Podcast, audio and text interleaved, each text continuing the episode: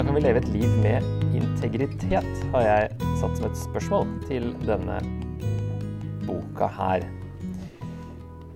Og her ser dere hvilke ord som nevnes mest i Jakob. Gjerninger, gjøre og tro skiller seg ut her. Og det er jo det kanskje brevet er kjent for også. Det her med at det høres ut som at troen alene ikke er nok. Sånn som Paulus har hamra inn i Galaterbrevet. Troen alene er nok. Og så kommer Jakob og sier nei, må ikke tro det. må ikke tro at troen alene frelser. Du må ha gjerninger. Og så virker det som at han sier det stikk motsatte av Paulus. Og det virker som han bruker samme bibelvers om Abraham til å konkludere stikk motsatt av Paulus. Så det skal vi se på. Um, Jakob er en del av det som kalles ofte de generelle brevene. Kanskje mer en sånn engelsk tittel, 'General Letters', fordi de er, virker som de er mer generell, generelle i, i, hvem de er beregna på. Paulus skriver veldig konkret til menigheter som han navngir, eller personer som Timoteus og Titus og Filemon. Mens Jakob og Peter og Johannes og Judas eh, virker som å ha litt mer sånn generell, eh, generelt publikum i tankene. Og eh, det er mange såkalte imperativer, bud, i dette brevet her. Det er faktisk eh, flere av bud, altså gjør sånn, lev sånn, ikke sant, enn noen annen bok i Nytestamentet. Så vi får liksom kan få et sånt lovisk inntrykk da, av denne boka. Når vi får så masse sånn eh, Du må gjøre sånn og sånn og sånn og sånn. og sånn og sånn. For at, eh, fordi troen alene er ikke nok. um, så den er veldig etisk. Egentlig kanskje den mest etiske boka da, i Nytestamentet, som liksom, handler egentlig bare om hvordan vi lever. Så temaet da er um, gjerninger å gjøre, men uh, handler en del om rikdom også. Nå kommer ikke de ordene kanskje helt Jo, rik står der. Prøvelser um, handler det om, selv om ordet nevnes ikke så mye. Tunga er du kjent for. Jakob er ganske, bruker kraftige ord og uttrykk om hvor vanskelig det er å temme tunga, og hvor stor skade den gjør. Og visdom, da. Så eh, han skriver litt sånn samme måte som eh, Altså han har en sånn østlig måte å skrive på. Paulus er veldig sånn, bygger opp argumentet veldig tydelig.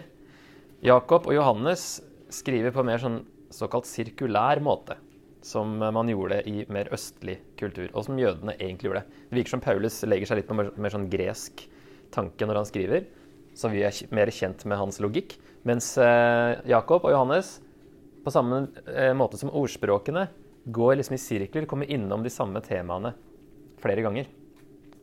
Så Jakobs brev har mange likheter med ordspråkene og med bergprekenen til Jesus. Det er masse Jesus-stoff her som han bruker. Og så snakker han om visdom, sånn som ordspråkene, da, og skriver òg i litt sånn litt sirkulært. Så det er veldig Jesus-basert, da, eh, det her. Selv om det da føles litt sånn etisk når vi leser det, og kan være litt sånn slitsomt brev, på en måte. Så jeg tenker at eh, Ja, hvordan kan vi leve et liv med integritet? Hva er integritet? Nå er jo ikke det akkurat det ordet han bruker når han skriver, men det er et fint ord til å For oss, da, å bruke på dette her. Men hva, hva er integritet? Eh, noen sitater da, C.S. Lewis han har sagt at 'integrity is doing the right thing when, even when no one is watching'. Så det går på at du har en helhet i hvem du er og hva du mener, som ikke er avhengig av om du blir sett eller ikke. Så det er liksom ett aspekt av det. Og så er det Brené Brown. Hun sier uh, integrity choosing courage over comfort. Choosing what is right over what is fun, fast or easy. And choosing to practice our values rather than simply professing them. Så? At uh, du praktiserer det, verdiene dine, og ikke bare uh, bekjenner dem. Og så er det et diagram som beskriver det på denne måten. Der ord tro, verdier kanskje, og handlinger møtes. Det er liksom integritet. Den bør jo være litt større kanskje enn den lille overlappinga der, mener Jakob i hvert fall. Eh, men jeg tenker jo En god definisjon når vi kommer til brevet her, det er å få det vi tror på, til å henge sammen med hvordan vi lever. Og, og um, Jakob setter fingeren på veldig mange steder der det fins, i hvert fall hos leserne sine, da, der de er delt. Og der de ikke har denne integriteten. Men før vi kommer dit, så kan vi jo spørre hvilken Jakob er som har skrevet dette brevet? Jakob, Guds og Herren Jesu Kristi tjener. Det er det eneste han sier her. Ok, Da har vi tre Jakober som er eh, alternativene. Jakob, sønn av Sebedeus og bror av Johannes. Det er jo han kjente i evangeliene. En av Jesu tre nærmeste. Han døde i år 44, som vi leser i Apostels gjerninger 12.2, eller i hvert fall senest år 44. Kan ha vært litt før òg. Trolig for tidlig til å ha skrevet dette brevet. Det er i hvert fall en vanlig tanke. Men så hadde vi en Jakob til som var apostel, sønn av Alfeus. Nevnes bare i apostellistene og kanskje i Markus 1540 som Jakob den yngre. Skal vi se hva det sto der. Markus 15, 40. Det var også noen kvinner der som sto på avstand og så på. Blant dem var Maria Magdalena, Salome og Maria, mor til Jakob den yngre, og Joses. Ok, Så kanskje det er den samme som Jakob, eller, ja, Jakob sønn av Alfeus. Det er liksom etternavnet de hadde, det her sønn av Alfeus. Akkurat som Alfeusen ville det vært da, på på norsk. Eller sånn man gjorde det i Norge og før. Um, så Jesus vil jo hete Josefsen, egentlig, da. sånn, når det står 'sønn av', så er det jo da det samme. Um, ville trolig identifisert seg litt nærmere dersom han var forfatteren, slik Lukas 6, 14 og 15 gjør. Er da tanken. Han er liksom så anonym, han her, da, at uh, han liksom bare nevnes i listene. Han gjorde sikkert mye som ikke nevnes i apostlenes gjerninger. Men i 6, eh, Lukas 6, 14 står det i den lista der at det var Simon, han som, eh, som han også ga navnet Peter, og hans bror Andreas, Jakob og Johannes, Philip og Bartolomeus, Matteus og Thomas, Jakob sønn av Alfeus og Simon som kaltes Siloten. Så først er det Jakob, og så er det Jakob sønn av Alfeus. Så han defineres eh, nærmere der, og tenker man kanskje at han blir naturlig at han òg gjorde det her, hvis det var han. Um, siden han ikke gjør det. Han sier bare Jakob, herrens, Guds og Herrens tjener. Ok, Så har vi en Jakob til. Han som kalles Herrens bror i Galaterne 1.19. Som er da Jesu kanskje eldste biologiske halvbror. Markus 6.3 så er det en liste over uh, brødrene til Jesus. Hadde mange brødre og mange søstre. Søstrene vet vi ikke hva het, men uh, her står det Er ikke dette tømmermannen, sønn av Maria, bror til Jakob, Joses, Judas og Simon? Og bor ikke søstrene hans her hos oss? Så han hadde mange søstre også. Men i hvert fall uh, fire brødre som nevnes her, da. Og Jakob nevnes først, så kanskje han var eldst. I Apostelens gjerninger 1.14 den så er han også eh, Da har han kommet til tro. For de tror ikke, ingen av brødrene til Jesus tror på Jesus før etter oppstandelsen, så vidt vi vet. Det er ganske interessant at selv ikke Jesus klarte å overbevise sine nærmeste. Så de eh, er jo litt sånn Johannes eh, 7, er det vel, at i, i står det ingen av brødrene trodde på han. Mens i Apostelens gjerninger 1.14 så står det at eh, Det står en liste over eh, de som samles da, etter oppstandelsen. Det var Peter og Johannes, Jakob og Andreas, Philip og Thomas, Bartolomeus og Matteus, Jakob, sønn av Alfeus, Simon Seloten og Judas, sønn av Jakob. Eh, alle disse holdt trofast sammen i bønn, sammen med noen kvinner og Maria, Jesu mor, og brødrene hans. Så det virker som de fleste, kanskje alle, av brødrene var liksom blitt med der, da. Han var jo ikke en av de tolv apostlene, men han blir likevel kalt apostel utover i kirkehistorien, så det blir litt forvirrende utover det når man skal grave i disse gamle kildene. Hvilken Jakob snakker de om? For de kaller ham for apostel. Kanskje fordi det virker som Paulus og gjør det i 1. Korinter 15, når han skiller mellom at Jesus viste seg for Peter og deretter for de tolv, Og så viste han seg for Jakob, og deretter for alle apostlene. Som da er en annen gruppe faktisk enn de tolv. For det var flere apostler enn de tolv apostlene. En mulig definisjon er alle som så Jesus etter oppstandelsen, ble kalt apostler fordi de var utsendt, det er det ordet betyr, med det budskapet med at Jesus hadde stått opp. Så utover så er det flere som kalles apostel, da. Og Jakob virker som han representerer liksom alle de andre apostlene i 1. Korinter 15. Vers 7 blir det, da. Så eh, stort sett så lander man på at det er Herrens bror her da, som skriver. Som da blir um, Skal straks se litt mer da, av at han blir en lederskikkelse. Og det er jo han som vi leste om i Galaterne når noen, noen fra Jakob kom til Antiokia og den konfrontasjonen med Peter og Paulus. Men jeg vet jo ikke sikkert, men det er det som liksom fra, fra 300-tallet har vært eh, Det var jo to, to eh, store figurer da, som mente det. Hieronymus og Augustin. Jeg vet ikke om dere har hørt om det. Augustin har vi hørt så vidt om. Uh, Hieronymus var han som oversatte den latinske bibelen, som ble liksom den eh, katolske bibelen da, i lang, lang lang tid. Så når de mente noe, så mente alle det, virker det som. De hadde i hvert fall stor påvirkningskraft. da. Og det er på slutten av 300-tallet um, at man da har liksom landa på det.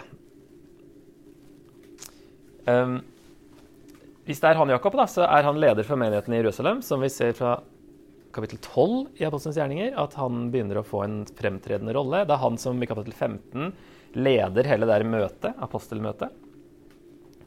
Og han er fortsatt eh, har noe å si i kapittel 21. Og han kalles for en av søylene av Paulus i Galaterne 2,9. Han Hadde autoritet i Oldkirken sammen med spesielt Paulus, Peter og Johannes. da. Han ble steina i hjel i år 62, da, ifølge Josefus, som skriver historie det første århundret.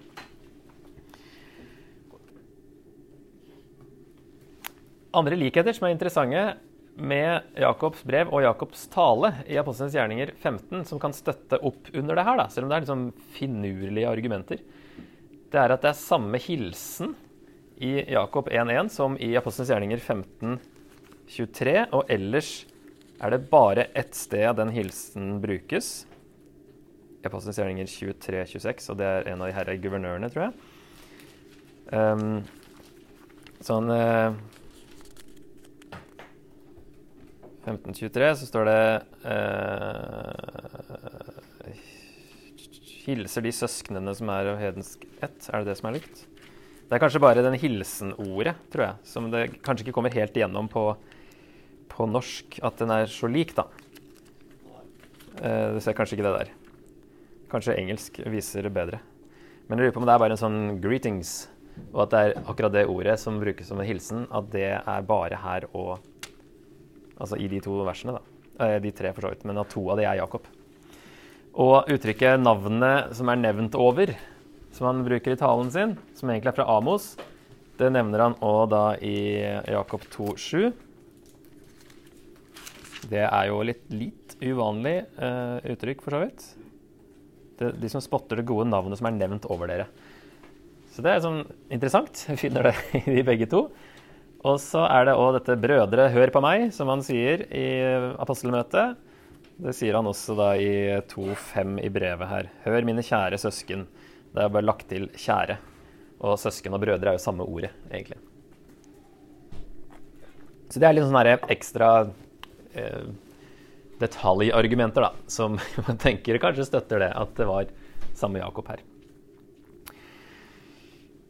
Ok, så, Men det var ikke før på 300-tallet at eh, de liksom begynte å lande på denne Jakob. Eh, det er ikke nevnt så mye før det, så vi tar litt på denne kanonhistorien. Altså hvordan ble det akseptert og mottatt i starten? For det har jo vært litt sånn annerledes for dette brevet enn for f.eks. Paulus sine brev. Så det ble jo først nevnt ved navn tidlig på 200-tallet av en som heter Origenes, og han kaller det for Skriften. Så det er jo ganske tidlig, og han ser på det som en del av Skriften. Det er mulig det er sitert før det også, men eh, de, de nevner ofte ikke hva de siterer, da, disse kirkefedrene. Så vi kan ikke være helt sikre. Men ved navn er det i hvert fall nevnt tidlig på 200-tallet. Ellers er det lite nevnt i de første århundrene. Kanskje ble det brukt mindre av hedningkristne pga. sitt jødiske preg. Innholdet ga også lite ammunisjon for diskusjonene i oldkirken. Det er mye snakk om hvordan leve, og ikke så mye teologisk som Paulus kommer med. Og det var vranglære og hvem var Jesus og hans natur og sånne ting. Så her fant de ikke så mye i det brevet her, og da ble det kanskje mindre brukt i tillegg til at det var, hadde veldig jødisk preg. da. Så som sagt, da så er det litt lite nevnt i starten. Og så ble det omdiskutert på 300-tallet pga. forfatterspørsmålet. da. Hvilken Jakob? Og er det apostolisk? Altså kan det knyttes til apostel på eller den apostoliske krets? Hvis det, kjent, hvis det ble mindre brukt, ville det også være mindre kjent. Så da var man ikke så godt kjent med de her som Paulus-brevene. Altså de generelle brevene, mange av de ble litt omdiskutert. Og så har vi jo Luther sitt kjente sitat. Han kalte det for et stråbrev fordi det liksom ikke var så eh, Han var ikke så mye ammunisjon for han heller, da, i eh, debattene i reformasjonen. Galaterbrevet og Rombrevet var jo gull for uh, Luther. Mens han følte liksom ikke at uh, Jakobs brev var like, like, bra. Men han fjerna det jo ikke. Men, men var ikke så begeistra for det, da. Men et sitat av en som heter Douglas Moo, som har skrevet dette her. It is important to stress that James was not rejected, but neglected. At det ble ikke brukt så mye, og derfor var det litt sånn omdiskutert. Men det ble ikke avvist, så det er jo med. Det tok bare litt lengre tid før alle liksom var kjent med brevet. da. Ok, Hva vet vi om hvem Jakob skrev til? Da ser vi på starten. Han sier 'sender sin hilsen til de tolv stammer som er spredt omkring' i fremmede land. De tolv stammer. Ok. Eh, noen tolker det som at han skriver til jødekristne da, utenfor Israel. Og det tror jeg nok jeg kommer til å lande på òg, men eh, noen eh, mener òg at dette er eh, bare et sånn gammeltestamentlig bilde på at han skriver til alle kristne. Ikke nødvendigvis bare jøder. Men det er jo veldig jødisk prega her. Ja, Men han nevner synagoge i 2.2. Det nevner aldri Paulus, f.eks. For Forsamlingen står det oversatt her. Men der står det egentlig synagoge på gresk. Når det kommer to menn inn i synagogen deres. For det betyr jo bare sammenkomststed. Synagoge. Og så nevner han at eh, Gud er én. Og det er jo selve trosbekjennelsen til jødene fra 15. Mosebok 6.4. Så det er veldig jødisk ting å ta med, da. Det ble det, det de sa da, om morgenen og om kvelden.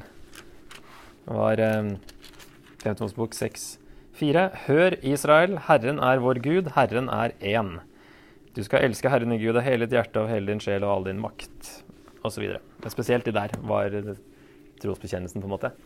Og så skriver han da i vers 1 at til de som er spredt omkring, og der bruker han ordet diaspora på gresk, og det er fortsatt et ord som brukes om jødene som bor utenfor Israel i dag. Det er liksom i, de som er i diasporaen, de som er spredt.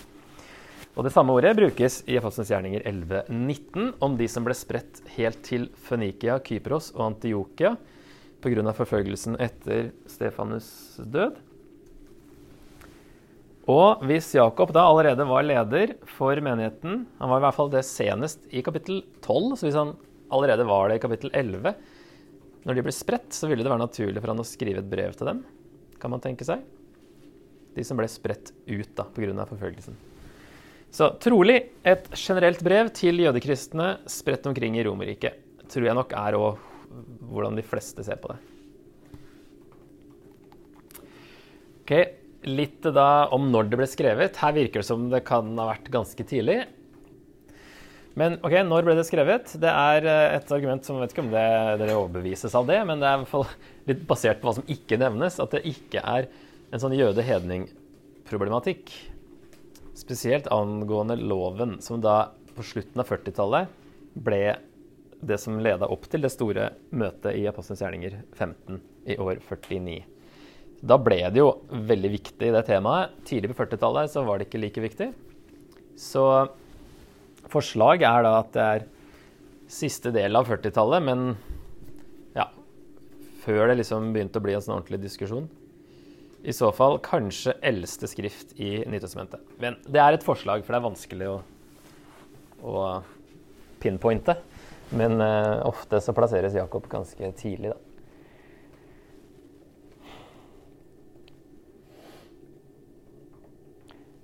Noen, noen tenker jo at det er vanskelig å se for seg at han ville ha skrevet til jødekristne et, uten å nevne hva dette apostelmøtet eh, kom fram til i år 49, hvis han skrev etter det. da. Spesielt hvis noen av leserne bodde nettopp i Antiokia, der hele den disputen starta.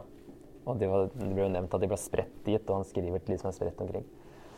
Men det er liksom basert mest på hva som ikke nevnes, og hva som vi tenker ville vært naturlig å nevne. Så um, det er litt tynne argumenter, da. Men det er ikke så viktig hvor, han, hvor vi plasserer det sånn på tidslinja. Viktigere er hva vet vi om leserne? Altså Vi kan eh, tenke, finne spor da, ut fra hva de skriver om. For det, det, var jo dyrt å skrive, og det tok lang tid å få levert brev. Så det var ikke sånn at man sendte et brev bare for å si hei. Det var eh, ofte ja, en, en eh, tydelig og viktig grunn til å skrive. Så Derfor kan man lete etter spor sånn, og så tenke seg at dette må være noe av situasjonen. Han nevner i hvert fall at de har prøvelser, sier han, i starten. Første kapittel spesielt. Og at det var stort sett fattige som ble undertrykt av de rike. Kommer jeg inn på et par ganger også. Er det ikke de som eh, drar dere for retten, er det ikke det han sier? Er det ikke de rike som undertrykker dere, står det i 2.6 og drar dere fram for retten. Og er det ikke de som spotter det gode navnet som er nevnt over dere? Og så virker det som de lever litt for eh, verdslig, om vi skal kalle det det. Han sier i 4-4, da begynner det liksom å dra seg til her. Um, vet dere ikke at vennskap med verden er fiendskap mot Gud?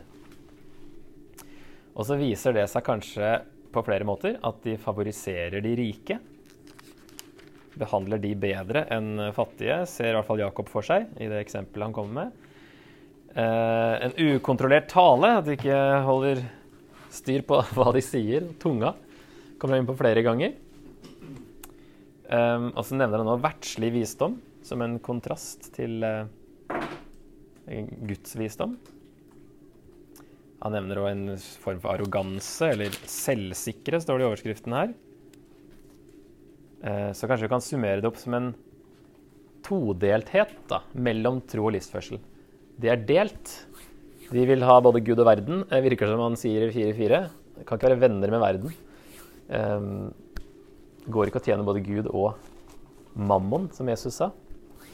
Så de er litt splitta, litt delt, og at integritet da, er det de trenger. At holde tro og livsførsel sammen. Derfor snakker han om det han er mest kjent for, dette med tro, tro og gjerninger. At det kan ikke adskilles. Det her gjelder jo, for så vidt, Hvis det er så generelt som det høres ut, da, så gjelder det liksom alle.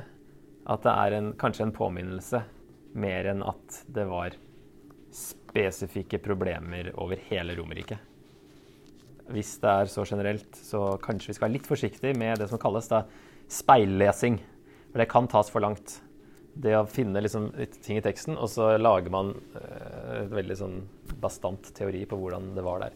Litt enklere for Paulus i Paulusbrevene, da, for han, vi vet liksom hvem han skrev til, og ofte når han skrev. Mens her er det mer generelt. Så det kan være mer sånn påminnelser ut fra spesielt da bergprekenen, men òg ordspråkene og ja, med sånne ting. Ok, Litt til bare før pausen. Eh, bare sånne eksempler på todelthet da, i brevet. Dette med at de hører ordet, men de gjør ikke det ordet sier.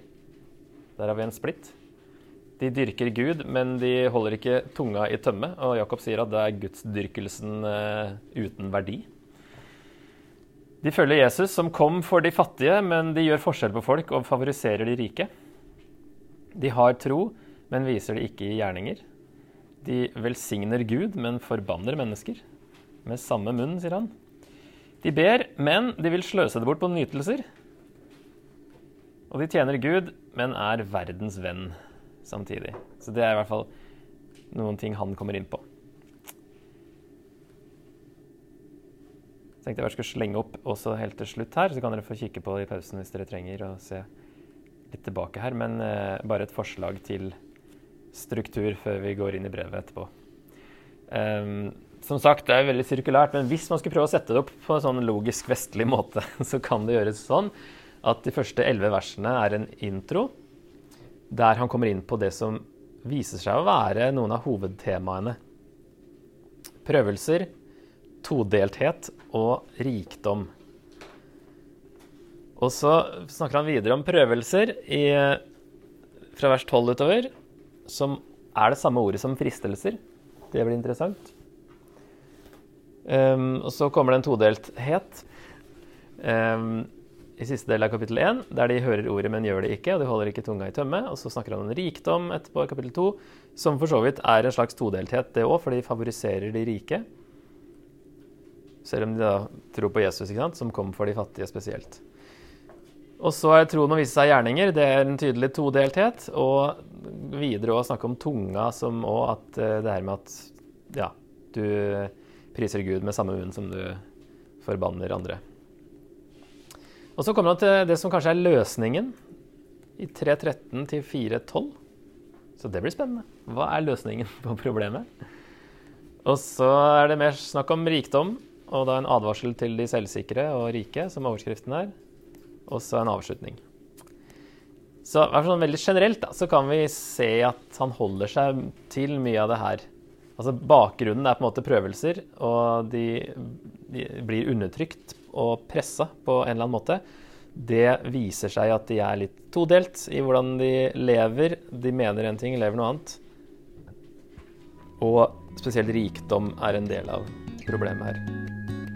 Ikke at de er så rike, men rikdom da generelt.